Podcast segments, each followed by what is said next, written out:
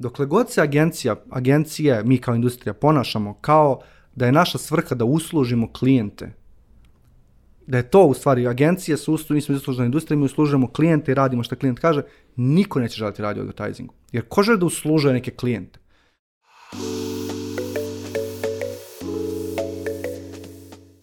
Pozdrav svima i dobrodošli u novu epizodu Netokracije Office Talks. Moje je Marko i danas ću biti vaš domaćin. Za one koje nas danas prvi put slušate, Office Talks možete pratiti na svim streaming platformama i na YouTube.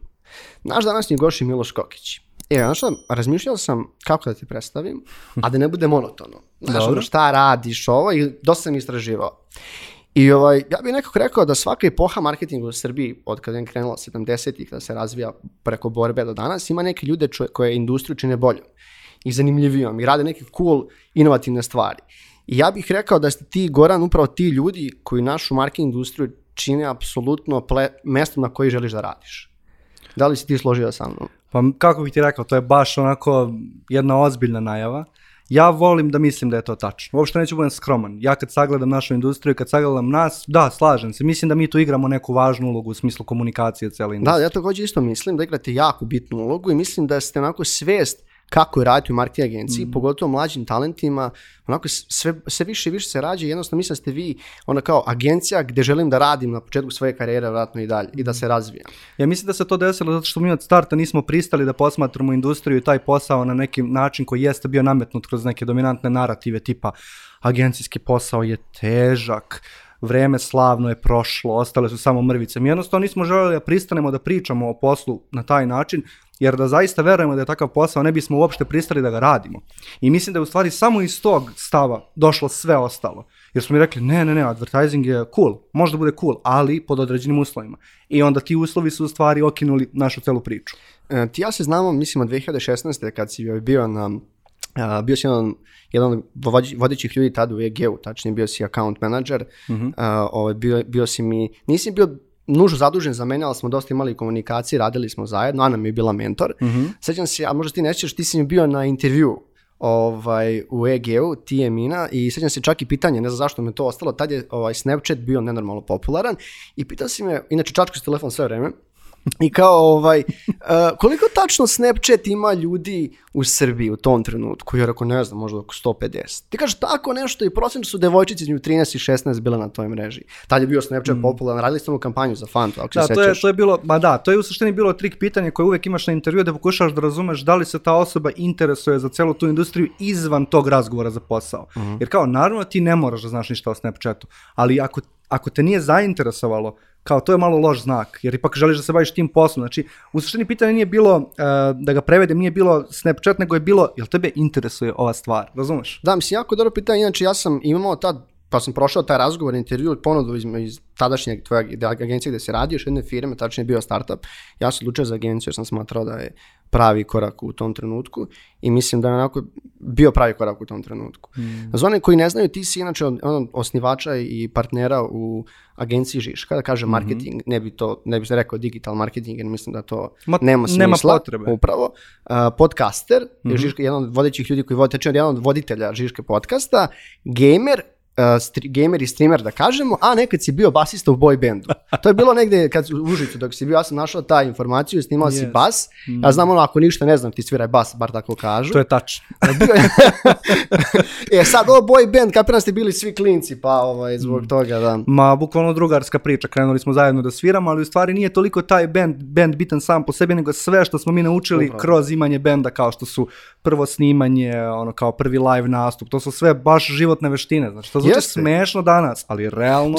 Naravno da nije. Sve, sve to iskustvo koje stigneš, ono, koje stičeš kasnije ti pomaže u nekim, nekim mm. životnim stvarima. Sve se preliva. To mi je inače mantra ove godine. Sve, sve što radiš bilo gde se prelije. E, danas ćemo pričamo o tome, o talentima advertisingu, mm -hmm. kako su marketing agencije predobili, prošle ovu krizu i kao šta je bio izazov i na kraju ako stignemo pričat ćemo malo o tom, tom gamer životu, ali hajde da hm. krenemo plako. Kakva je ova godina bila lično za tebe, a kako za Žišku? A mislim, nije nikakva ono, nije nikako preterivanje ako kažeš da godina bila ono, jedna od najtežih, kako ne i najteža, pa manje više za bilo koga ko je pokušao išta da uradi ove godine. Um, kad kažem teška, ne pričam samo kao poslovni čovek, što ja, iako ne izgledam tako definitivno i jesam, nego više pričam ovako kao čovek. A, znači, svi smo živjeli u nekom strahu, smenjivao se taj strah, čas je bio strah za život, čas je bio strah za život bližnjih, za zdravlje, čas je bio strah od bankrota, od nekakvih užasnih poslovnih scenarija i tako dalje. Mislim da je baš teška godina i da ćemo efekte ove godine osjećati mnogo narednih godina. Šta god da se desi u decembru, šta god da se desi sledeće godine, mislim da ćemo od 2020. pričati mi za pet godina. Sigurno. Tako da, teška godina za mene lično, ali ovaj, moram da dam i drugu stranu. Ako gledam poslovanje i ako gledam taj neki, kako bih rekao, usko gledano našu firmu, način na koji nam posluje danas, kako smo mi pre, prebrodili prethodnih nekoliko meseci, moram da kažem da je bila i uspešna godina. Tako da nije samo bila stresna, to je bila uspešna godina, godina uh, utvrđivanja kulture i onoga što Žiška jeste, godina beskonačnog učenja i razvijanja, godina novih poslovnih uh, poduhvata, novih klijenata, novih projekata, novih tipova projekata. Tako da ono, ne bih se osjećao skroz komfortno da samo kažem da je bila teška. Bila je užasno teška, ali o tome ono, privatno više. Što se posla tiče, bila je i dobra godina.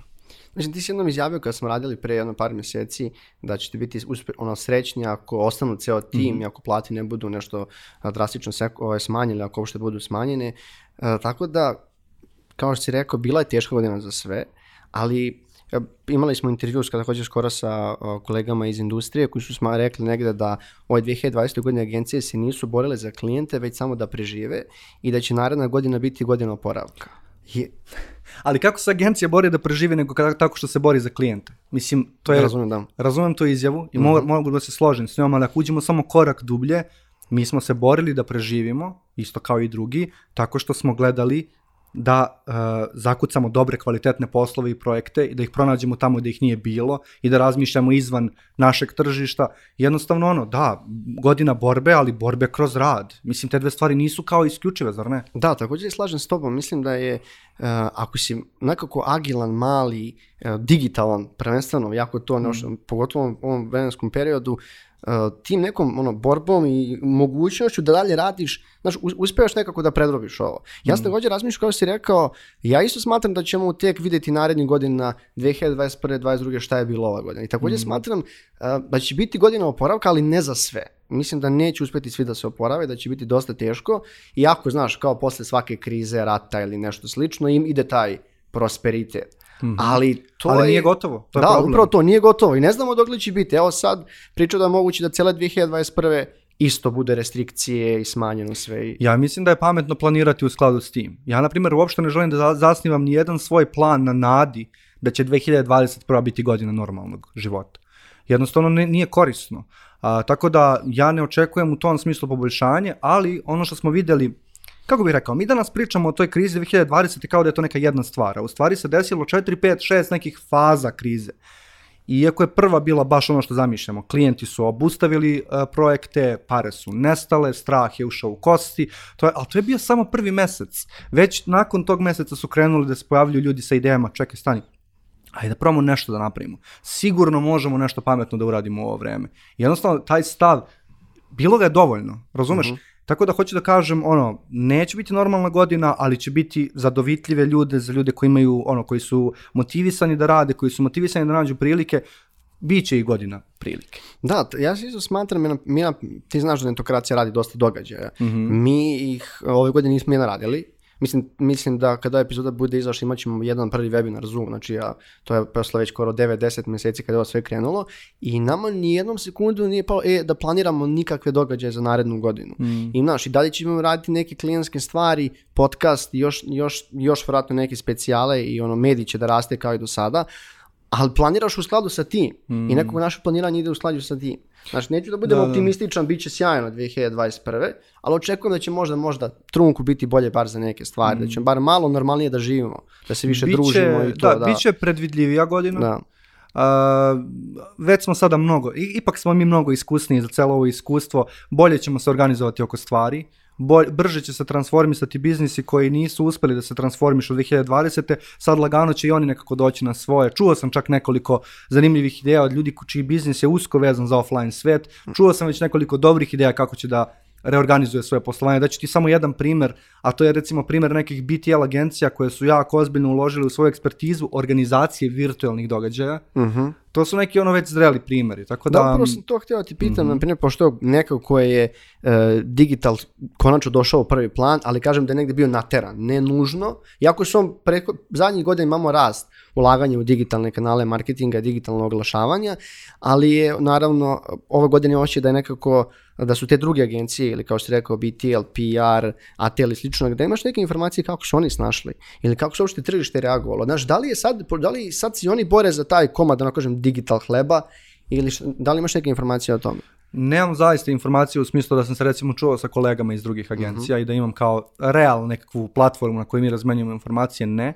Ali ono što vidim s tržišta, vidim sa pičeva, vidim iz neke neformalne komunikacije, svi pokušavaju da uštinu gde šta može i to je normalno, je tako? Ali problem je u tome što, mislim nije problem, ali ono što treba uzeti u obzir je da jednostavno digitalne agencije i agencije koje imaju in-house produkciju poput naše, mi smo jednostavno opremljeniji da se borimo na tom tržištu. Zato što smo mi svakako navikli da operišemo u tim nesavršenim uslovima malih rokova, manjih budžeta i gerilskog pristupa radu. Tako da, da, pokušali su i veliki da uđu u, te plitke vode, ali um, ne, ne bih rekao da sam video neke uspešne primere toga.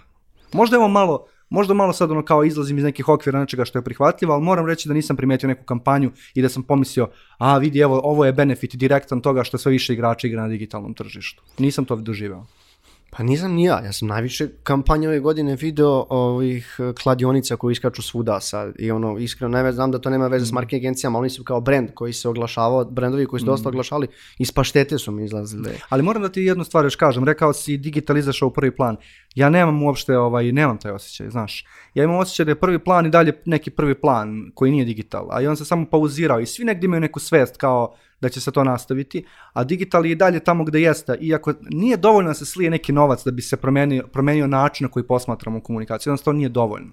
Ali da je neke tradicionalnije ovaj, brendove čačnuo i naterao da razmisle kako mogu bolje da iskoriste digital i na koje sve načine može da se iskoristi digital, jeste. Ali opet dugoročna borba, znači godine i godine će trebati da možemo stvarno mi da sedimo ovdje da kažemo digital izašao u prvi plan. Ja mislim da mi nismo tu uopšte. Pa ja isto mislim da nismo tu, nego kažem ti, um, ako, mislim da on može da pogura da možda Može. bliži tamo, samo se to da ti kažem. Jest, činjenica je, može, poguraće, ali onda opet ostaje ta velika borba i ta cela borba koju smo, ti si manje više i hintovao na početku, kao da li da kažem da je Žiška digitalna agencija, nije to bitno, ali sad mi to svi govorimo da nije bitno, ali suštinski ne razumemo da nije bitno. Da, ja slažem se s tom. Mislim, uh, vi ste u industriji komunikacija, digital je jedan kanal gdje vi komunicirate i gdje ste Tako vaše je. prirodno stanište, da kažem, jer kad je Žiška nastala, vi jeste bili prvenstveno na digitalnim kanalima i vaša ekspertiza ide iz toga i prethodnih 4-5 godina što radite, to vam daje snagu da budete neko, naš, prvi od ostalih u- u- na tom putu. Mm. Jeste, slažem se, međutim, moje neko iskustvo je da je to sve manje važno za nas. Kad kao gledam naš tim, gledam u kom pravcu se ljudi razvijaju, gledam gledam čime se bavimo ovaj, u tom razvoju, kakve kurseve organizujemo interno, eksterno i tako dalje, ovaj, em, sve manje osjećam da naša snaga dolazi iz razumevanja digitalnih kanala. To je bio početak, međutim, kako smo dobijali više i više resursa i poverenja, što je neminovno da se desi ako radiš bilo koji posao, mi smo, ono, nismo sedeli na tome što mi znamo bolje od drugih koliko ima TikTok ljudi u Srbiji. Naravno. Mi smo krenuli da izučavamo veoma tradicionalne veštine u advertisingu. Kao, u Žiški imaš, ne znam, osam ljudi koji se jako aktivno bavi screenwritingom. Zašto? Kao zašto? Mi smo digitalci, mi radimo smešne videe za YouTube. Međutim, nije, mi znamo da to nije tačno. Tako da hoću ti kažem, iako dolazimo iz tog sveta, iz strava nam je što dolazimo iz tog sveta, ne krijemo to, to nije e, ono što mi vidimo da je bitno za nas u budućnosti. Da, slažem s tobom, vi ste ono advertising agencija, to je Pa samo jedan kanal koji e, komunicira. Te, pomenuo si na početku da su nekako klijenti, kad je krenulo, zavrnuli negdje, kažem, slavinu ili ono, straha. Kakva je situacija danas? Kako je bilo razumijevanje sa njihove strane u toku ovih prethodnih par mjeseci? Sad pričaš sa onih klijenta, da li su oni bili, da li su žeš želeli, da li su čuli neke nove predloge, da li su neke budžete, e, hajde da probamo neku drugu kampanju, hajmo neki drugi kanal da uložimo pa da vidimo kako, da li će nešto se vrati, ili su se opet pokušavali da se oni prilagode krizi kako je išla? Pa možda će ti biti neobično ovo što ću ti reći, ali ovaj klijenti su ljudi isto. ovaj, e, I i e, u ovoj krizi su se stvarno i tako i ponašali. E, Ne znam da li je to do toga što mi komuniciramo sa određenim tipom klijenta im, i klijenata, ima sigurno i toga, ali moj utisak je baš pozitivan, a sad ću ti objasniti zašto. Um, Prva i osnovna stvar, mi smo od starta uh, otvoreno komunicirali s našim klijentima naše stanje u firmi u smislu resursa, u smislu toga šta mi možemo da uradimo u datim okolnostima, kakvu produkciju je moguće organizovati, da li su naši ljudi bolesni, da li su zdravi, da li su njihovi ljudi s kojima komuniciraju u kakvom stanju i tako dalje. I očekivali smo od njih isti takav tretman. Dakle, ono, u vreme krize mi nemamo luksus da kao dignemo neki zid između nas i da komuniciramo strogo poslovno, jer kao i sam možeš da pretpostaviš koliko je puta bilo ove godine da smo morali da se dovijamo zbog nekih veoma privatnih konteksta kao što su, ne znam, glavni kolega na projektu se razboli, sad ti to treba da iskomuniciraš, nećeš ti kriti tu stvar, ti ćeš otvoreno pričati o tome. I sad poenta. Mislim, ja znam neke da su marketing agencije krile, ne smo javno pričamo o tome, možemo posle, ali svaš, svaš sam čuo, jer mm -hmm. ono malo ima više informacija, izvim što ste prekinuo, samo, samo da ti kažem, uh, to ste vi, ja vas znam, znam kakvi ste otvoreni i klijenti s kojim vi komunicirate, moram da kažem da su slična situacija s naše strane, to malo napredni klijenti koji mm. već znaju kao ono mlađi su, savremeni yes. drugačije gledaju na pogled. Mm. Uh, imam situacije kad nekih drugara, ono, devojki ili slično, gde su klijenti malo ono, nije baš bilo toliko razumevanja. Pa šteta, žao mi je, ali jer ovo je baš bilo vreme u kojem je trebalo svi imamo razumevanje jedni za druge, ali to dolazi i od agencije. Jer ako se agencija postavi na način koji može da se postavi, a to je taj tradicionalni agencijaški uslužni pristup pravdu koji ima svoje prednosti, jednostavno ne pije vodu. Pije vodu inače u vreme mira, kada se sve dešava kako planiraš, kada ti odgovara da imaš taj zategnut odnos, accountsko-klijentski, ali ne pije vodu u momentu da ti imaš ljude koji su ono, trpe psihološki ogroman stres, kakav nikad nisu doživjeli, razboljevaju se i roditelji im se razboljevaju. Razumeš, prosto je nerealno, nije da. realno da održavaš te u iluziji. Nije. E, ali sad s druge strane, klijenti imali su svoje probleme, znači njih, oni su isto dosta rano pušteni da rade od kuće, uz nejasne planove, nejasnu infrastrukturu, nejasnu svrhu u vezi s tim šta treba da urade trebalo je dosta razumevanja i za njih. Jer opet kažem, oni su takođe ljudi. I u, tom, u toj celoj stvari, da su oni bili kod kuće, mi kod kuće nekim beskonačnim kolima pokušavali da smislimo bilo šta pametno da uradimo, uradili smo neke od najboljih stvari. Jer jednostavno to nam je falilo. I mislim da je za odnos agencije i klijenta ovo moglo bude najbolje moguće vreme. Ali trebalo je samo od starta postaviti priču tako zdravo. Sad to zvuči kao um, opšte mesto, kao treba da postaviš priču zdravo. Ali zdravo u smislu iskreno ono, komunicirati, to je mnogo teško. Ali mi smo se opredelili za taj način i stvarno, ja mislim da nam se isplati. A mis, mislim da to je jedna od najtežih stvari. Ako mislim da su komunika 80% posla koje radimo su komunikacije. Mm. O im ostalosti finese, šta ti radiš, ali ta komunikacija unutar tima s klijentom, sa potencijalnim klijentima mm. je najbitnija. I mislim da ono, mi svi trebamo da vežbamo na tim komunikacijama. Kogotovo, što je rekao, bilo onako floskula i bilo čudno i opšte mesto, to je jedna jako bitna stvar. Jeste, ali to dolazi, ta komunikacija dolazi iz nečega što je agencijska ili korporativna kultura i mnogo je utemeljenije i ustanovljenije u svakoj firmi nego, nego da se može lako promeniti. U kom smislu? Ako, si ti, ako ti radiš u okruženju da si navikao da ono, postoje određeni pritisci, da si navikao da se neiskreno komunicira, da si navikao da postoje neka pravila koje ne smiju da se ruše ni u kom slučaju, možeš ti da budeš najkomunikativnija osoba na svetu, ali nećeš uspeti da, da se postaviš na određeni način. S druge strane, ako radiš na radnom mestu, da je ono, objektivno unutar tog radnog mesta postoji komunikacija, želja i potreba da se razumemo, postoji empatija na prvom mestu, pa ta empatija će da se prelije i na poslovne odnose. Ne može jednostavno da se ne prelije. Ono dola, ne, kulja, razumeš me, znači ne možeš ti da zaustaviš tu stvar. Ako mi u Žiški pazimo jedni na druge, uh mhm. -huh. mora klijent to da oseti. I onda može da mu se ne svidi. Ali ja nisam naletao na klijenta koji nije umeo da ceni ajde kažem, taj ljudski pristup. To, ne znam što to tako zovem, treba je jedini pristup, bukvalno.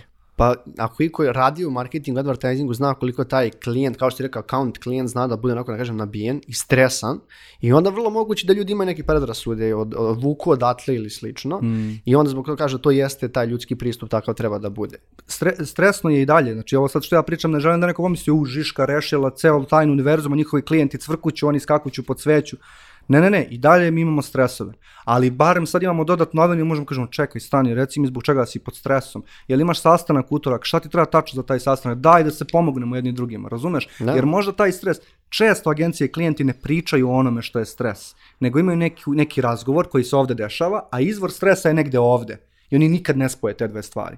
Ovako lepo kaže, ajde, ajde u čemu je problem? Znači, ono, kao, siguran sam da možemo da ga rešimo. I onda, iznenadio bi se koliko kada se ljudi jednom oslobode i kada krenu na taj način da razmišljaju, iznenadio bi se koliko su spremni da te puste u svoj proces. I to je već kroz druga igra, mi stvarno radimo zajedno, ne radimo, ne radimo ono, kako bi rekao, jedni za druge, nego zajedno radimo ka nekom cilju. Opet kažem, ovo je dugoročno i neće uspeti ako posle dve godine hendlovanja, hendlovanja klijenta ti sad odjednom počneš da cvrkućeš. Nema šanse, moraš od starta da postaviš tako stvari. Da, mislim, zaista volim pričam s tobom, jer tvoj onako pogled na marketing i na te odnose, odnose među klijenata ljudi, uopšte hendlanje ljudi unutar tima Mm. je osvežavajući u industriji. Najbolje bi bilo da popričaš nakon toga s nekim od mojih kolega, čisto da dobiješ njihovu perspektivu, jer ovo možda zvuči kao, vidi ga ovaj direktor agencije objašnjava kako svi lepo komuniciraju. Možda, možda je to samo moj pogled. E, znaš, baš smo pričali si o tim kako je bilo, mislim sad, da ne, ja sam u vašu u početku ovaj, karantina dosta slušao vaše podcaste, Mhm. a one da ste ti, Milja i Goran koji je trajao, ne znam, nešto dugo trajao, sećam jako se. dugo. mhm. To je po meni jedan od boljih podcasta na temu marketinga, komunikacija, kako se brendovi, ovaj, šta, se, šta se dešavalo na tržištu, kako se brend, brendovi komunicirali i primjenik sam svetske kampanje, ja sam to slušao onako upijajući i od, od tad sam onako shvatio da, da Milja onako moram da javno pohvalim ovde i posle vidio neki njen stvari koje radi vam posla, slavio sam to izgleda stvarno super i nekako mi je drago da imate tako mladog talenta u timu Mm. i to ću kažem, kako, je- kako je bilo izazovno raditi od kuće, pa svi su te kreativni sastanaka. Vi ste agencija, koliko je bilo, kako je izgledao neko kreativni sastanak, sednemo hajde smislimo neku temu on na, ovaj, na Zoomu ili koju god platformu koju ovaj, koristi. Koliko je tebi isto bilo teško? Da nađeš tu kreativu koju si imao pre. Pogotovo u početku. Da. Um, u isto vreme bilo je teško. Zato što nije bilo tog zabavnog momenta. Ti znaš kad se u ag- agenciji ili kod vas je sigurno slično sedne da se razgovara o nečemu, brate, to je zabavno. Ono, Jeste. pričamo o sto stvari, zezamo se, osjećamo se dobro dok to radimo. E, toga nije bilo. Kreativni rad se pretvorio u rad, obični rad. Zašto? Zato što u trenutku da, mi, da smo mi trebali da počnemo da razmišljamo o kreativnim, recimo, kampanjama, to je nama bio četvrti Zoom call taj dan. Niko ne želi da bude tu. I onda smo mi seli i razgovarali o tome, to je opet ključna stvar. Seli smo i razgovarali smo, ok, novo vreme, nova organizacija, kako izgleda brainstorming u ovim uslovima? I onda smo shvatili, ok, to nije više brainstorming, to je nešto drugo. I zapravo želim da budem jako konkretan u ovim stvarima. Način na koji smo rešili tu stvar, kako smo reorganizovali kreativni proces, je taj da smo jak akcenat stavili na pripremi za sastanak. Šta to znači? To što smo mi ranije na brainstormingzima tradicionalnim sedeli i razgovarali, smo mi pretvorili u razgovaraš sam sa sobom, onda dolaziš na sastanak i u jednoj vrlo jasnoj strukturi prezentuješ svojim kolegama nešto o čemu se ti razmišljao. To nije brainstorming, ali je dobra zamena za brainstorming u trenutku kada brainstorming nije moguć. I zapravo izrodilo neke jako zanimljive dinamike, jer su ljudi shvatili vrednost i važnost tog research rada i pripreme za sastanak. Jer šta je problem sa brainstormingom u vreme mira, opet kažem, pre svega ovoga? Previše je zabavan i delo je da sve što treba da uradiš da se pojaviš. To je ponekad tačno, ali po pravilu nije tačno. Uh, korona i karantin su nas naterali koji prep work, da shvatimo koji prep work ulazi u kreativni rad, koja priprema ulazi u kreativni rad. Jer nemaš ceo dan, ne želiš kolegama da oduzmeš pola dana na Zoomu, nego ćeš ti malo ipak da izbrosiš svoju ideju za prezentaciju. To je najveći benefit koji smo izvukli. Znači, bilo je teško, neprijatno, ali ovu stvar smo naučili i mogu ti reći, to je baš bitna stvar. Mi to nismo razumeli ranije. Barem ne u ovoj meri. Da, mislim da se to isto lepo zaključio. Naši klasični kreativni sastanci, mi to zovemo, isto zovemo kreativa, Mm. da pričamo o kojim temama da pišemo, to ode na Isto drugu je. stranu. Ode na drugu stranu. Mm. Znaš, dok nađeš, popričaš. Ne, Sad svi smo- treba, ceo kreativni proces je idemo divergentno u beskonačnost, onda kažemo stop, onda se vratimo u konvergentno razmišljanje, pa zaključimo neke stvari, tako je. pa onda opet odemo u divergentno. Tako da, ima poentu to lupetaranje, ali ne možeš ti da lupetaraš na trećem Zoom callu danas, nemaš energije, ne lupetarati se, a opet moraš neku vrednost da izvučeš iz tog sastanka. E, otuda taj štreberski pristup koji je nas iščupao. Stvar, mislim, gledam sad, motam u glavi kreativne kampanje koje smo izbacili u prethodnom periodu. Ja mislim da su one bolje zbog toga što mi naučili bolje da pripremamo kreativu. E, ali pričamo o tim nekim kampanjama. Ja sam primetio a, malu plavu knjigu. Je to bilo sad u, pre, u korona periodu je bilo pre korone? Ja sam nekako... Ne, ne, to je baš U korona. e, to je baš korona kampanja. I još to, i ono nekima se neće svidjeti. Meni to bilo super. Baš E, je bilo to je zanimljivo. obična kampanja koja se slučajno desila u vreme korone. Da, ali zanimljivo je. Mm. I ajde baš, i može malo da nam daš neki onako insight u tim kampanjama, generalno kako su nastale, pogotovo malo je plave u knjigi savršena kampanja. I generalno, ti, još, jel ti imaš neku kampanju u Srbiji ili van da ti ove godine baš prevukla pažnju? Rekao si da, da si kod nas slabije primetio, ja sam isto. Van je nešto bilo, ono, bilo je zanimljivih stvari, ali uvijek je ono veći budžeti, veći sve, vi, veći timovi, kako god. Bilo je zanimljivih real time stvari kod nas. Neki brendovi su se super izdovijali da objave neki cool post. Znaš, ja sam i dalje, ja i dalje jako cenim takve napore, jer prosto dolazim iz tog sveta. Znam Jasno. koliko je teško uraditi bilo šta u real time. Um, ali pitao si me konkretno za malu plavu knjigu, za koju se ja slažem da je dobra kampanja. Ovaj, iako smo je mi radili, mogu da kažem da se kritički odnosim prema njoj, da ti kažem šta je dobro, šta je loše u njoj. Ona je nastala iz jedne, ono malo pre ti pričao o klijentima. E, tako je nastala mala plava knjiga. Nama je došao kolega iz Manchmelo, rekao, mi hoćemo da radimo nešto. Šta ima smisla za naš brand? I onda smo mi seli s njim i rekli, hajde vidimo arhitekturu brenda, hajde vidimo za šta ovaj brend stoji inače. I shvatili, pa dobro, prilično jednostavno, Manchmelo stoji za igru. Za igru u smislu dečije igre, za, smis, za igru u smislu ne zaboravi da se igraš i kada odrasteš i za igru u nekom najširem smislu, kao igrački odnos prema životu. To je playfulness, malo je nezgodan prevod na srpski. Um, I onda smo rekli, ok, um, hajde da vidimo koja tenzija postoji u društvu danas, koju mi rupu možemo da zakrpimo i prilično je bilo očigledno kao, ok, deca su zatvorena u kući, roditelji su odvikli od toga da se aktivno igraju s decom po ceo dan, daj da im pomognemo. E, ali pazi, to je bila samo ideja, to nije bila i dalje kampanja. Kampanja je bila kad smo mi seli sa pedagozima, psiholozima, da mi zajedno smislimo koje su to igre koje zaista mogu da se odigraju kod kuće, a da dete bude zadovoljno i zabavljeno i da roditelji se osjećaju ok na kraju dana, I u stvari ja mislim da je najveća vrednost te kampanje taj proizvod, znači ta knjiga puna eh, tih uputstava za igranje. Sama činjenica da to postoji je dovoljna, razumeš me? A onda na to je došlo fantastične ilustracije naše kolege, zapravo mislim da je eh, par kolega ilustratora radilo iz firme, ovaj, eh, dobri, dobro napisani tekstovi, dobro imenovane igre koje nisu bile imenovane. Ta, ta knjiga je ugledala i prevod na druge jezike, uh, distribuirana je interno, eksterno, besplatno kao PDF. Ne znam, to je po mom mišljenju uh, brand koji je pronašao svoju relevantnost i jednu malu, jednu, jedan, jednu malu oblast u kojoj actually mogao da doprinese. A ne nekakve ono krupne reči i abstraktne ideje, nego evo, mi se bavimo igrom, trenutno izazov sa igrom ovaj, evo mi ćemo ponuditi deo rešenja. Men, tako, tako po mom mišljenju treba da izgledaju kampanje u suštini, ali ovo konkretnije CSR kampanje. Na meni se to svidelo i mislim da se mnogo ljudi svidelo. Mislim da su rezultati organski bili sjajni na Jesu, stvarno, ne znam sad brojke na pamet, ali znam da smo bili zadovoljni baš. Mislim, ali realno je skočila, bila je super i ovaj, zato sam je naveo, meni se svidela, mm. još sam, ovaj, malo sam detaljnije čitao čak i priče i sve ostalo video sam mm. kad sam pogledao. Hajde nekako da ovo, ajde ovaj deo digitalno marketingu, mark, digitalno marketingu, marketingu i o 2020. kako je, da zaključimo, kako izgledali pičeve ove godine? Znaš, bilo je vjerojatno drugačije isto, je li to isto i da prišlo preko Zuma ili ste ono, imali neki sastanke baš s klijentima da se, ono, sa maskama i sve ostale stvari? I jedno i drugo se desilo. Mm. Imali smo neke veoma pažljivo isplanirane sastanke pod maskama, mm -hmm. koji su bili stvarno dobro organizovani. Moram ti reći da, da sam se osetio onako kao ok, evo ljudi koji odgovorno pristupaju ovom procesu. Ali to su redki pokušaj. Uglavnom su to bila dovijanja preko Zuma, um, dopisivanje, različite platforme koje su nam to omogućile. Ja bih rekao da je iz tog ograničenja komunikacije opet došlo nešto pozitivno. E sad, Mara, ja, ja te molim da razumeš, znači ja generalno imam taj problem da ja kada me pitaš o stvarima, ja uvek nekako se hvatam za pozitivne stvari. Mm -hmm. Sigurno je bilo i mnogo negativnih. Da, jasno, jasno. Ali meni ostaju te neki pozitivni primeri baš zato što smo znali da smo preko Zuma. Baš zato što smo znali da će biti teško. Komunikacija je bila bolja. Imam utisak da su klijenti bolje promislili briefove, imam utisak da je proces brifiranja i debrifiranja bio bolje osmišljen i odgovorniji, pripremljeniji. Ja, ja sam osetio, osjećao da neku pozitivnu energiju vezi s tim. Naravno, ono što je nas kao agenciju, kao kreatore zaklalo, je to što mi nismo mogli da, re, mi imamo taj princip kada radimo na pičevima, mi odemo dosta daleko u produkciji. Jer prosto želimo da vidimo kako naše ideje izgledaju kada krenu da žive. To više nije bilo moguće u toj meri. I naše prezentacije su postale uh, strateškije, postale su... Um, kako Jesu kraće bar. ja sam, gledao sam neke vaše priče, zato kažem jesu kraće. Pitanje ili... da li su kraće, da. ali su manje zabavne. Uh mhm. -huh. Ovaj, jer uvek je manje zabavno kada ne pokažeš rad, ali objektivno u nekim situacijama nismo mogli da organizujemo snimanje ili fotkanje ili bilo kakvu vrstu produkcije da bi taj rad nastao.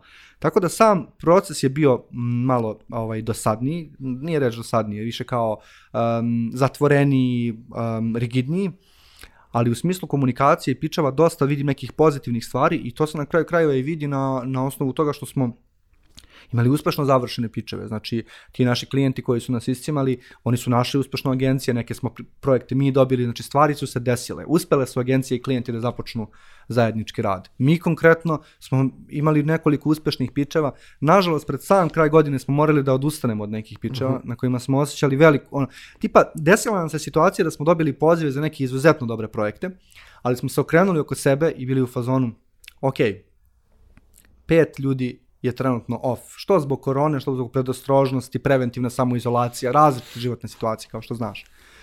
Mi ne, mi ne možemo da rizikujemo. Naši ljudi koji su sada na poslu su pod većim stresom. Mi ne možemo da rizikujemo da radimo ovaj projekat koliko god ga želeli. I onda smo ponovo nekako imali flashback na ta neka davna vremena kad smo dosta toga bili prinuđeni da odbijemo u smislu poziva na pitch jer nismo imali kapacitet. E, ponovo smo osetili malo ukusa toga kako je kada te nema dovoljno da uradiš neku stvar. Na- to je nama bilo se- otrežnjujuće, moram Nama ti se reći. isto desilo, mi smo ovaj, negde prihvatali kampanje do početka decembra, da kažem 10. decembra, od tad nema novih kampanja do januara, jer nemamo produkcijski kapaciteta da ih sve Hmm. iznesemo, a već imamo dosta dogovorenog posla koji će da dođe. Pa slično je, da. Znaš, i onda kao zašto bi uzimali još neku kampanju kad a moraš da radiš još IHH x sati na njoj, da podijeli dana ili slično, ne, ne pravi nam toliko Ali razliku. zamisli koliko je to absurdna pozicija, znaš koliko je bila teška godina i znaš koliko teška dolazi i ti odbijaš neki posao. Ali jednostavno moraš to da uradiš, ono, Da, pa- osjećaš da moraš. Ja ne znam, mislim, da ne izgledam onako, da ne ispadnem samouveren, ja se ne plašim godina koje dolaze. I, na, ja mislim da samo ću još, ovo kad je, ovo, samo ću ti, otiću kratko sa teme, kad je ovo došlo, onako bilo je, onako par dana ti bude neprijatno.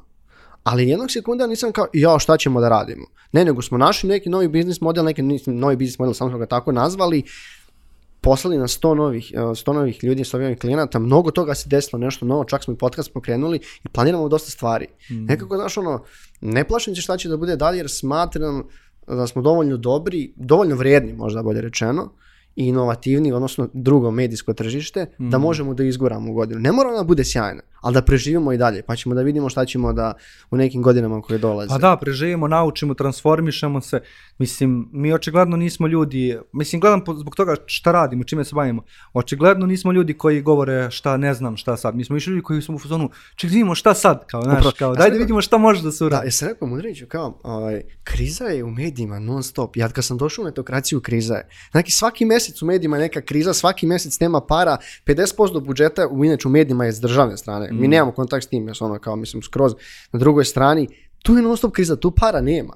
To je Znači- kao, jako zanimljivo da si to rekao, ne samo u medijima, nego u advertisingu isto, jer ovaj film koji je nedavno bio ovaj, premijerno prikazan na Kaktusu, koji je zapravo neka vrsta dokumentarca o industriji, jedan od zanimljivih zaključaka tog filma a, koji se nameće je nekoliko profesionalaca iz, iz našeg posla je reklo, ali uvek je bila kriza. Ja ne pamtim ni jedan period koji je bio bez krize.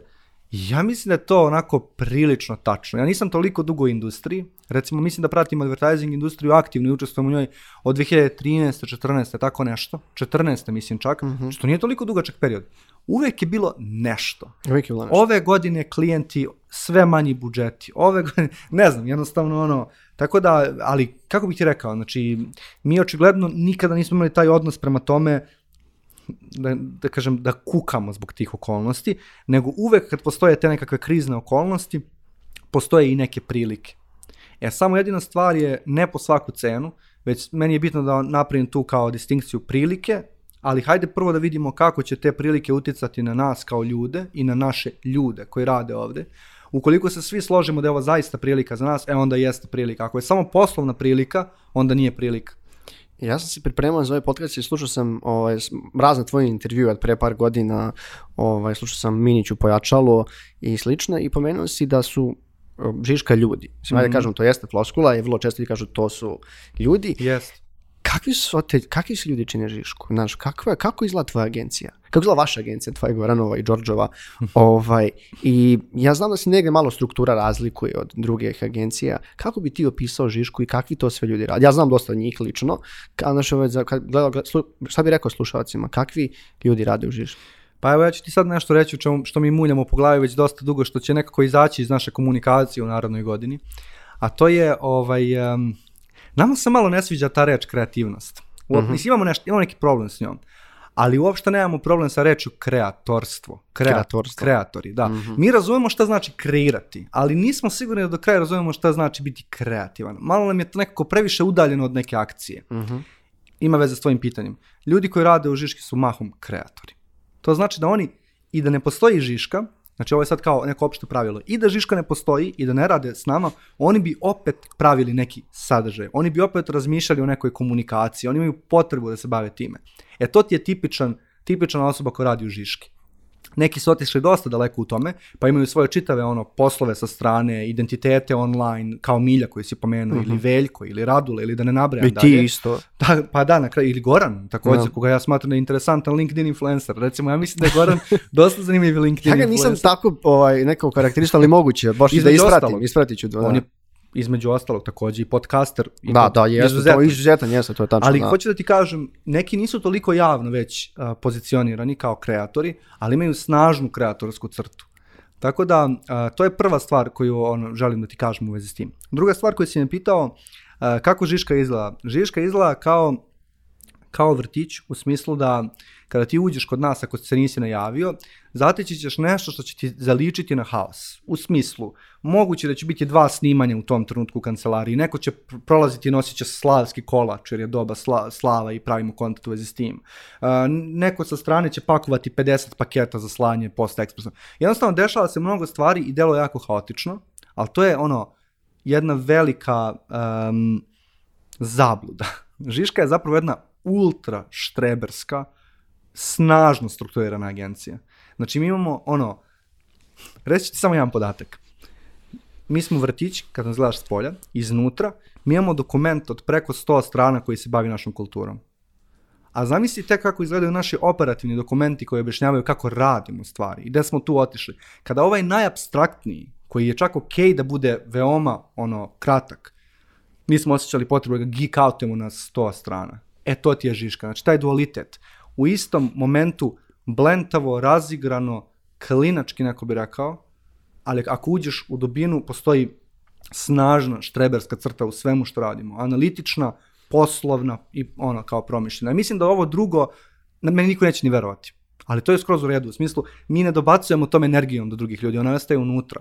Ali baš zato da bismo se mi osjećali komfortno da se igramo i zezamo na poslu, kako to izgleda ponekad, mora u pozadini da postoji nešto snažno što nas drži da znamo da to možemo da radimo. No, mislim da prvi put kad sam neko pitao ono, da opiše sebe da je rekao da su kreatori, a, ovaj, a ne nužno da su svi kreativni. U agencijama, znaš, ljudi vole kaže svi smo kreativni, ali to opet lična stvar. Ne gledamo ja i ti na smo isti... kreativni, ali Da. uvek kreiramo. Da, mislim, mada ja, vrlo, po meni vaša, to vaše kreiranje jeste kreativno. Mm. Znaš, tako da, mislim, ja vas pratim odavno i blog je bio prvi, pa je onda bio ono, podcast i evo sad, mislim, uh, podcast je zaista sjajan, ima bilo je sjajnih sagovornika. Mm. Uh, sluša, mislim da sam jedno 70 epizoda poslušao, 70% epizoda poslušao, verovatno. Kako je uopšte izgledao taj, moram što ti kažem, um, ti si mi, kad sam došao uopšte u marketing agenciju, ti si mi dao i pričao si tad sa mnom, jer sam ovaj, da kad vidim neku reklamu ili kad nešto vidim da treba da ono, se vratim nazad i da razmislim kako je taj brief izgledao Mhm, i kakva je poruka koju su oni želeli da uh, pošalju, a ne samo da vidim to rešenje koje te kampanje. Kako uopšte izgledalo taj proces u Žiški, kako izgleda to skaliranje tima? Mislim da ste jednom pričala da je skroz drugačija komunikacija ako je 8 do 12, a sad je mislim nešto oko 20 da si ima. Pa 25 nas ima. Mi smo 25? zapravo narasli u ovoj godini, još malo. Dobro. Sa 20 par, mi smo porasli na 25 ljudi. Ovaj, Kako uh, uopšte rast uh, klijenata prati rast tima? Znaš, koliko, koliko ovaj, jedan account handla, mislim, account owner, kako se malo čak i drugačije, imate ove neke slengove ili šta god da se zoveš, ovaj, kako, koliko, jedan, koliko ljudi radi na jednom klijentu? Jel se podeljeno na klasičko agencijski? I da i ne. Mhm. U smislu, činjenica je da i dalje postoje kod nas ljudi koji su, ajde recimo, akauntski je usmereni. Čiji nekako fokus u razvoju je project management Mhm. fokus. I postoje ljudi koji su, pa hajde recimo, kreativno, produkcijski više usmereni. Ali, um, i postoji ta dinamika. Ali ono što smo mi promenili, odnosno tu tradicionalnu dinamiku, mi odmah da ti kažem, mi nemamo akaunte u pravom smislu te reči. Mi čak ne koristimo taj izraz, mislimo da je, taj izraz jeste zastareo. Definitivno Jeste. je zastareo. Ovaj, uh, ali da ne ulazim sad u poreklo te reči. Mi imamo nešto što se zove slashevi. Ti znaš da mi često pričamo o slasherima kao ljudima Da. koji uh, rade različite stvari, međutim mi smo odlučili da um, pozicije u našoj firmi zapravo budu skup slasheva. Tako da svaki, svaka osoba koja radi u Žiški ima nekoliko, obično dva, tri slasha. I sad si ti u fazonu, šta to znači? E pa reći ću ti šta to znači. Uzet ću primjer Milje koji si već pomenuo, ali mogu bih da primenim na bilo kome. Vi imate malo, ovog Radovani malo, mislim, poznatog tiktokera Tako je, u ekipi, da. Veljka koji ima izuzetan fotografski sajt, projekat, uh mada ti ne, Radoša koji piše, koji je pisac na engleskom jeziku. Mislim, ne, ne mogu sad da uopšte ulazim u to, ali poenta je, um, mi imamo Milju, koja je account manager, zapravo pro, projektni manager, ono što bi u agencijama drugim bilo account manager. Pored toga ona je ilustrator. I sad, to nije zato što je ona samo zainteresovana za ilustraciju, ne, ne, ne. Mi imamo klijente na kojima je ona angažovana kao ilustratorka. Znači ona na jednom klijentu vodi klijenta, na drugom klijentu crta stripove. Jer mi ne možemo da ignorišemo činjenicu da ona želi i ume da radi obe te stvari. E sad zamisli ono, čitavu agenciju od 20 nešto ljudi, 25, u kojoj ti kod svake osobe pokušaš da prepoznaš i definišeš koji su tačni, realni obimi posla koja ta osoba može da uzme. Do čega je to dovelo? To je dovelo do toga da Radoš, naš drugi kolega, koji je izuzetan kreativac i copywriter, je i art direktor. Mi imamo agenciju osobu koja se na određenim projektima pojavljuje kao copywriter i potpuno odvojena na drugim projektima kao art direktor. Ljudi mogu da svičuju uloge. Ja, I to znaju svi, ali šta je problem? Ovo ćete reći bilo ko bilo kojoj agenciji. Druge agencije koriste isto tu stvar. Ali mi smo rekli, ako već to radimo, hajde da nazovemo stvari pravim imenom. I onda mi imamo čitavu tu bizarnost, da ti kad dolaziš na projekat u Žiški, ti dođeš kažeš, ja sam Marko i danas nastupam sa Slashom art direkcijom. Čisto da se razumemo koja je moja uloga ovde danas, iako ja znam razne druge stvari. Imamo takozvano predstavljanje. I tako razne neke druge bizarnosti, jer jednostavno nismo želeli da ignorišemo činjenicu da su ljudi bre višeslojni, trodimenzionalni, petodimenzionalni. I onda smo to ubacili u našu strukturu. Ne bih nikome preporučio da ovo radi, zato što komplikuje apsolutno sve birokratske procese. Komplikuje stvari kao što su visina plate, komplikuje procese evaluacija, komplikuje procese stafovanja, komplikuje procese toga da zapaziš kada ti nedostaje koji kadar, ali mi i dalje verujemo da je to vredno toga. I sad da ti govorim tvoje pitanje, koliko account vodi klijenata? Ne znam. Jer jednostavno to ne funkcioniše uopšte tako. Ali da budem još praktičniji, najviše ne volim da budem onaj taj bullshit majstor, da samo prodam gomilu lepih fraza, manje, nego, čini mi se manje nego u drugim agencijama. Jer kada kod nas dolaze, e, dolaze ljudi na razgovor i pričaju s nama o tome šta oni rade, šta bi kod nas radili, pominju se neke monstruozno visoke brojke klijenata koje oni vode, ali recimo 10. Kod nas je to nezamislivo, ne znam nikoga u Žiški ko vodi više od 3, 4, ma to je isto mnogo. Imaš ljudi koji vode 1, 2, ali poenta je, kad ti uđeš u to šta oni rade za tih 10 klijenata, to je jedna, jedan jako nizak nivo ambicije. Ti kod nas uh, imaš mali broj klijenata, ali si svakog od tih klijenata edukovao i uspostavio takav odnos da su očekivanja izuzetno visoka. Mislim da bi te ovi čuveni advertising magovi u, kroz istoriju koju su pisali neka pravila, da kažem, marketinga, onako baš mrko pogledala, nije ta podela onako striktna i rigidna kako oni mm. vole.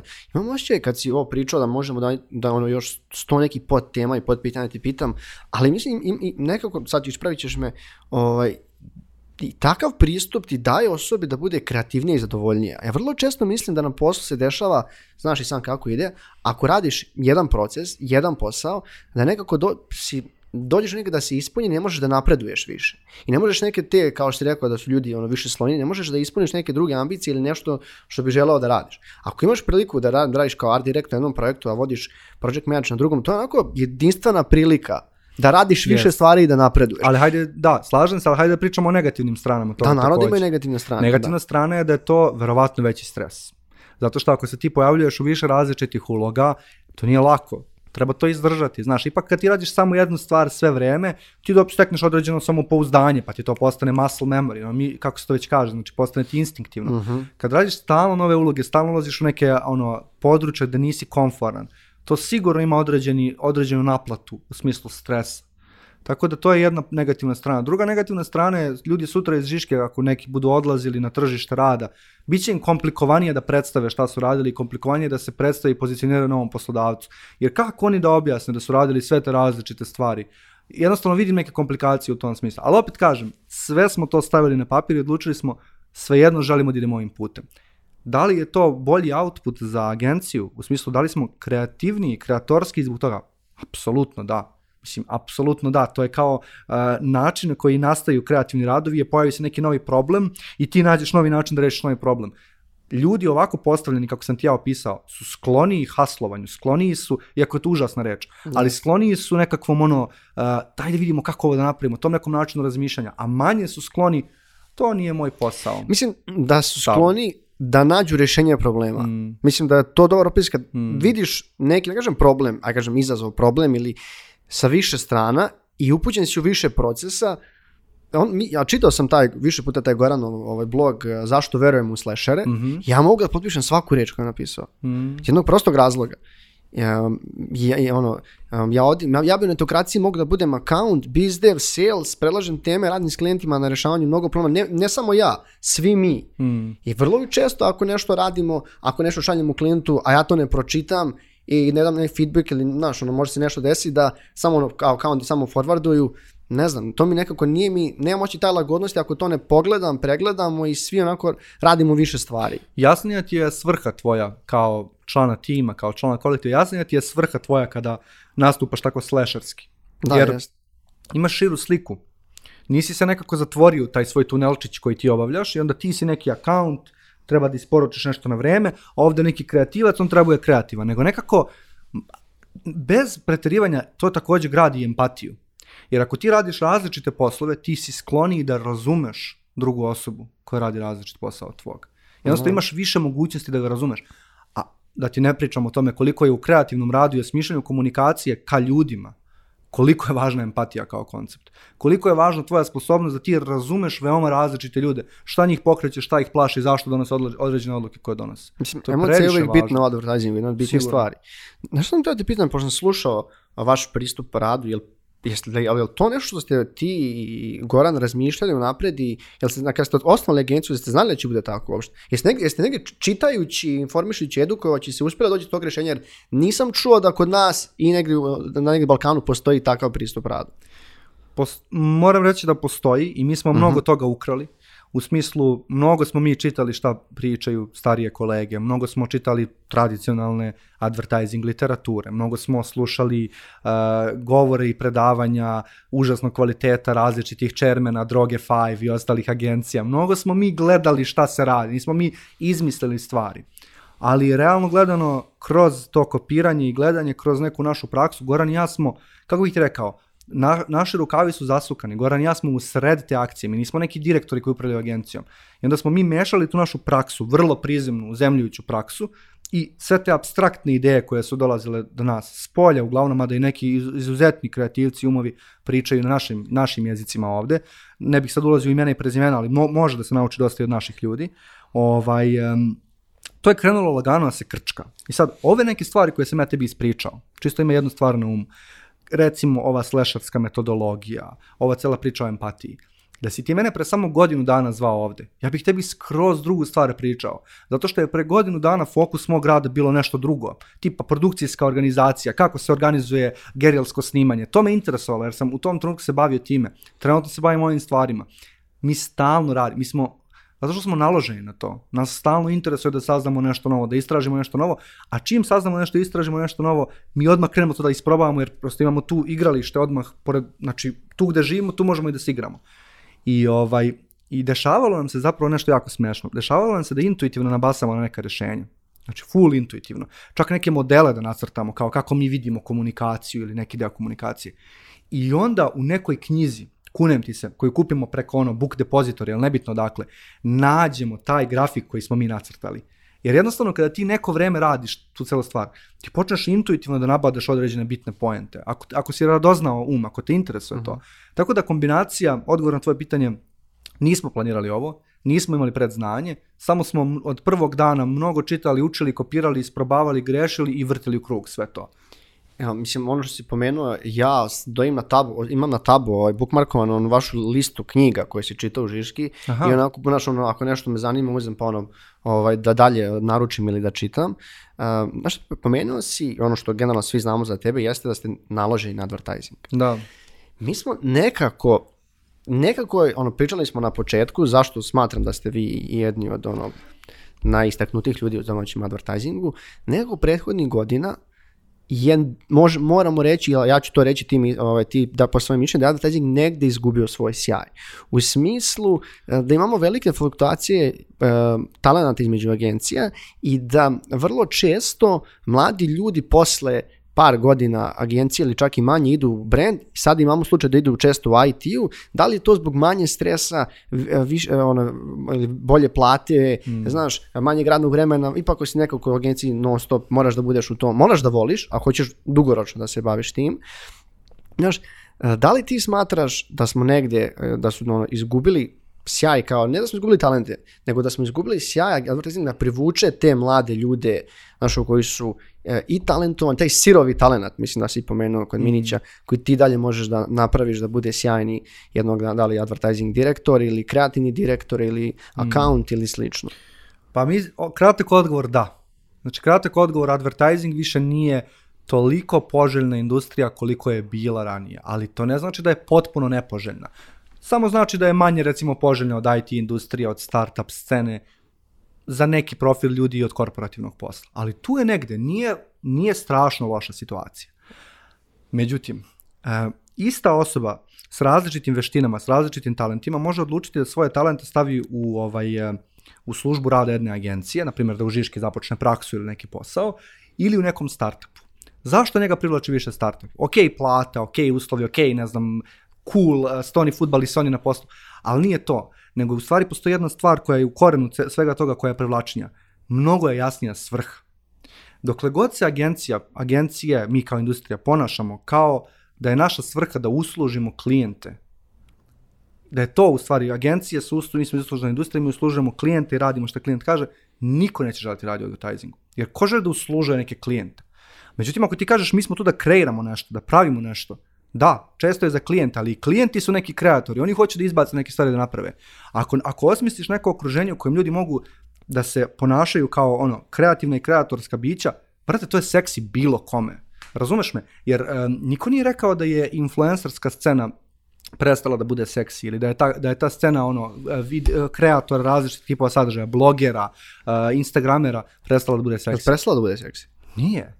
Nije, to je moja poenta, znači zato što nije ti, ima ona svoje neke probleme, da ne ulazim sad u to, ali poenta je stvaranje sadržaja između ostalog i komunikacija je ispunjujući posao, ali mora ti bude jasno zašto to radiš. Ako ti neko predstavi da je jedina poenta da bi taj biznis rolao dalje, da bi advertising industrija nastala postoji, koga bre briga za advertising industriju, znači ja, si, ja me zajebavam, da, znaš. Ja isto mislim da to išlo sa ciklusima, znaš, možda je sad aj, ovaj startup i IT privlačni, ali pre 20 godina je vjerojatno u Srbiji u, IT, bio marketing scena privlačnija. Ne znamo šta će biti za 10 godina, ne znamo šta će da bude u budućnosti. Kao mm. što si rekao, influencer, influencer tržište, ono raste u Americi sve više i sve mm. više cool primjera. Ne znam da li si video uh, Mr. Beast burgere?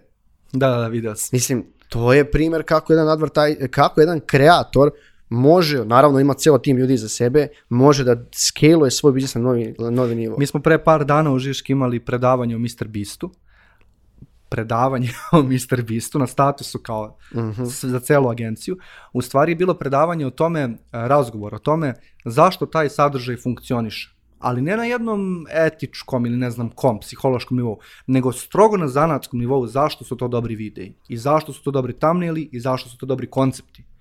I ovaj, sve si rekao sam. Znači, Mr. Beast, e, teško je to razumeti ukoliko ljudi nisu gledali, ali Mr. Beast je čovjek kome se isplati da otvori restoran u kojem plaća ljude da jedu, dakle obrne celu stvar, zato što zna da sadržaj koji time kreira će učiniti njegov uh, poduhvat profitabilnim, isplativim i doneti neku novu vrednost. Ti ja sad možemo da diskutujemo da li je to nova vrednost, da pričamo o nekakvim etičkim principima, da li je to kapitali, ekstremni kapitalizam ili neki druga socijalni eksperiment ili ne znam šta, ali realno gledano iz ugla sadržaja to radi fantastičan posao. I baš mi je drago da si pomenuo. Ja mislim primjer. da iz, iz ugla biznisa, mislim, pogledaj situaciju da je on, pr, a, njegova aplikacija je prva a, na trendingu tamo u Americi za food, food, food and delivery. Prva. Mm -hmm. Ne Uber Eats, DoorDash i drugi koji su u Kaliforniji, njegova je prva. Da, da. Mislim, ja pratim na Twitteru i na LinkedInu, ako znaš ko je Ian the Seed, uh, Seed Guy, to ti je David Dobrik u svojim klipama imao jednog tipa koji mi nosa zove telefonom. Aha. I taj Ian ti je jedan od najpoznatijih uh, influencer marketara u, u Americi. Aha. I daje mnogo cool savete sa te biznis strane. Mm. I oni su ono potrošili ogromne pare na David Dobrika, ali su došli do nenormalnih, jer on svi ih znaju, ogroman broj novih, novih pre, došli su preko miliona brendu, imali su 10.000 spoče da radi s njim. Mm -hmm. Dajem ti primjer kako uh, ti veliki influenceri danas mogu da skaliraju svoj biznis na jedan ozbiljan nivo. Zato što imaju zanimljiv kontent i plus imaju ogromnu publiku koja dolazi do njih. Znači oni, a plus oni mogu da odu sami ka toj publici.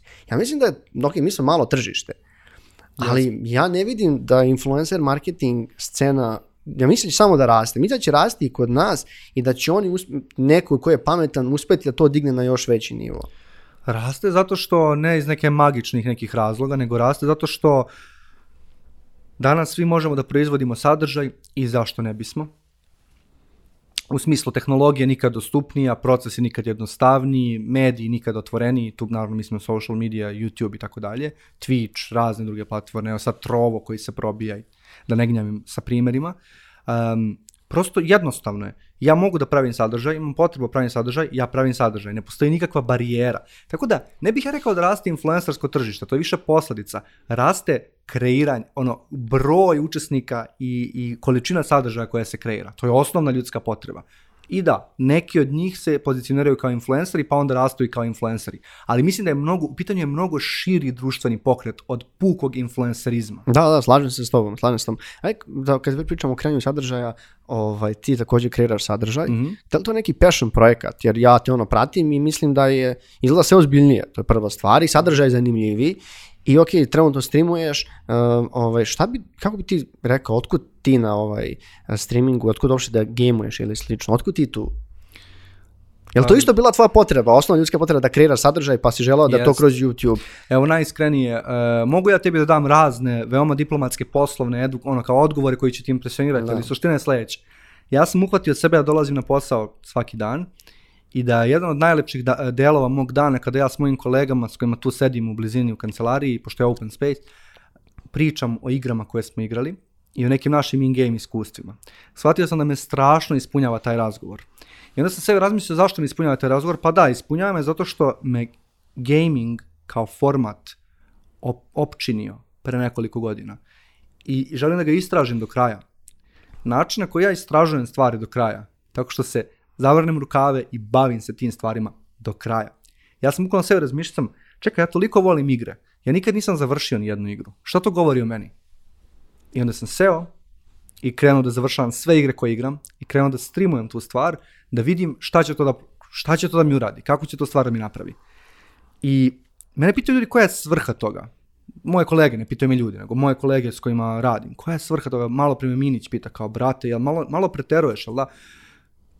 Svrha je to što ja radim. Samo je sebi svrha. Činjenica da sam ja uspio da se nateram, da napravim taj sadržaj, da razmislim o njemu, da to radim u kontinuitetu tri meseca bez prekida. Ja sam nedavno objavio 120, 130 neki video bez prekida. Svaki dan sam izbacio video u zadnjih 130 dana. Ne znam da možda zamisliš tu Da, mislim, YouTube to obožava. YouTube voli kad je svaki da, da dan sadržaj. Ali meni je bio taj drill važan.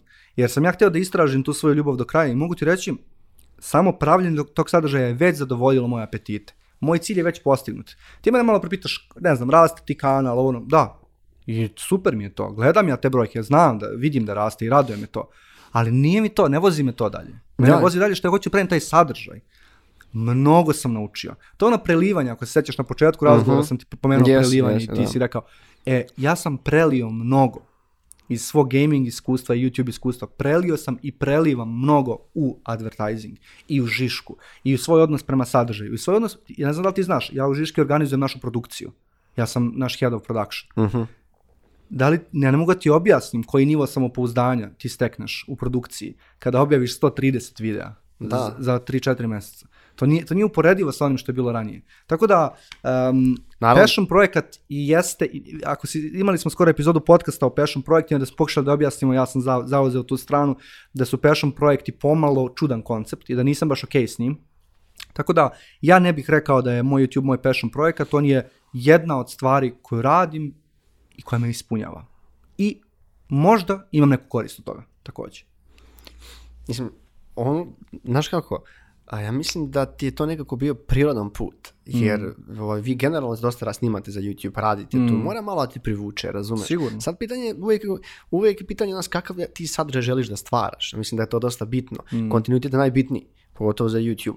Znaš da, i ono, kad pričamo, ajde kratko je samo o YouTube sceni, pošto si tu, da, snimali ste ti Dari dokumentarac, bio je sjajan, onako da, dosta je bio, ovaj, i da si tu bio i šta si bio, to isto oko produkcije se bio ja zadužen. Ja sam tu bio glavni, ja sam bio snimatelj. A snimatelj si ti? Između ostalo, znači mi smo zajedno radili na konceptu, Dario je organizovao celu tu stvar i iskreno rečeno u velikoj meri on potpisuje ceo taj film, ali objektivno gledano ja sam bio neki snimatelj, mi smo zajedno osmislili te intervju scene. U suštini taj film o kojem ti pričaš koji se zove Roka uh -huh. na, mhm. na kanalu Dario Kesegi je odličan primer šta se desi kada spojiš tri sveta i koliko je slasherizam u stvari lud koncept. Imaš Darija koji je prevejan youtuber. Imaš ove momke s juga Srbije koji su fantastični kreatori u jednoj niši. I imaš mene sa agencijskim advertising iskustvom i nekim drugim iskustvima. Onaj film, ti možeš svačiji deo da vidiš u tom filmu. I ako se složimo da je taj film dobar, ja mislim da je u nekim stvarima dobar, u nekim manje dobar. Da, slažem Ali se. ako da. se složimo da je dobar, on je dobar zato što su ljudi veoma različitih backgrounda i skillova radili na njemu.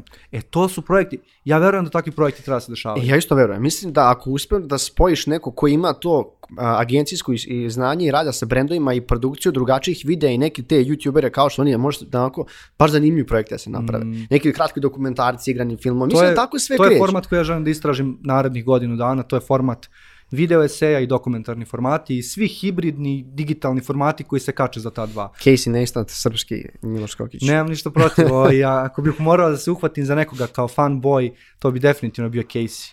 E, pošto smo, pa mislim da ovo prva epizoda koja nam ide preko sat vremena, duže od sat vremena. Seci. Nećemo još da sečamo još par minuta. Želim da kažem, uh, u celom ovom procesu i rasta i tima i biznisa, kako ti, kako ti misliš da si snašao kao menadžer i lider i da li si zadovoljan ti svojim ličnim rastom? Kad pogledaš Miloša Skokića 2016. kada ste krenuli, pokrenuli agenciju, evo sad je 2021. Kako bi ti, re- šta bi ti rekao za sebe? Pa ja mislim da bih rekao da sam baš na početku i da se to baš vidi. Ja bih sebe okarakterisao kao žestokog početnika u svemu ovom. Jer ja vidim a, svaki dan svoje nedostatke, vidim svaki dan svoje a, manjkavosti, vidim svaki dan momente u kojima ne, ne donesem pravu odluku iz neiskustva, straha, raznih drugih faktora i bukvalno osjećam da je baš ogroman put predavno. Ja imam tu kolegu Gorana starije, on je stariji od mene četiri godine i objektivno ima malo više iskustva od mene. Ja i dalje učim od Gorana svaki dan. A i Goran i ja smo, neće mi Goran zameriti, bebe u svetu vođenja biznisa. Realno, nakon, nakon, pet, še, nakon 4-5 godina, ti moraš biti svestan, moraš biti skroman. Moraš, Znači, da. mi smo samo neke stvari doživjeli, mi nismo doživjeli gomilu stvari koje su naše starije kolege iz većih agencija, koji su 10, 15, 20 godina iskustva, mi ne možemo da se merimo s njima. Znači, pre svega ja sam jedan entuzijastični početnik. U odnosu na mene iz 2016. godine, to je smešno. Ja kada gledam svoje radove iz 2016. godine, svoje prezentacije, predloge, mailove koje sam kucao, i to je normalno, valjda iz mog ugla ja, ja, ja bih se sebi smejao u facu, jer to nije bilo dovoljno dobro za moje sad, sadašnje kriterijume. Tako da ovaj, um, ušao sam u celu priču sa Žiškom sa mnogo entuzijazma i uh, blentavosti. Uh, evo sad 4-5 godina kasnije, polako, sve se manje i manje osjećam blentavo, sve mi je jasnije šta radim, ali osjećam se kao da je to bukvalno ono zagrevanje. Da, mislim, znaš kako, ovaj, i iz razgovora, iz razgovora sa tobom m, uvijek naučim nešto i čujem neki drugačiji ovaj, taj a, neki pogled na svet i pogled na neke, neke znaš, ono, procese, trendove, kampanje i, i nekako ti si bio, inače što znaš, bio si od uvijek ovaj, na, ono, na spisku gostiju, nego viš kakva je situacija oko korene, ne znam ono ni kako ćemo, šta ćemo dalje, va, nadam se da će biti bolje ovoj godini. E, Miloš, tebi hva- hvala na gostovanju. A, zaista, sam, zaista sam uživao razgovor sa tobom. Nismo ovaj, stigli sad da pređemo. Ja sam čuo da ti voliš ovaj, korejsku kulturu dosta, pa ćemo toga posle... Poseban podcast samo o korejskim Da, e, slatkišima. pa možemo. Ja, ja, sam- ovaj, posle posle mi ćemo o tome, pošto sam ja veliki fan ovog BTS-a i, i ovaj, njihovih filmova od, od, od, od tome devojka navukla.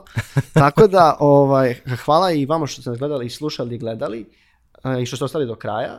Zaprati Netokracija podcast na svim kanalima, na YouTubeu, Deezeru, Apple podcastu i drugim i gledamo se u nekim narednim epizodama. Ćao Hvala, svima. Ćao, čao. Ćao. Hvala vam što ste ostali s nama do kraja. Prethodne epizode možete pogledati dole.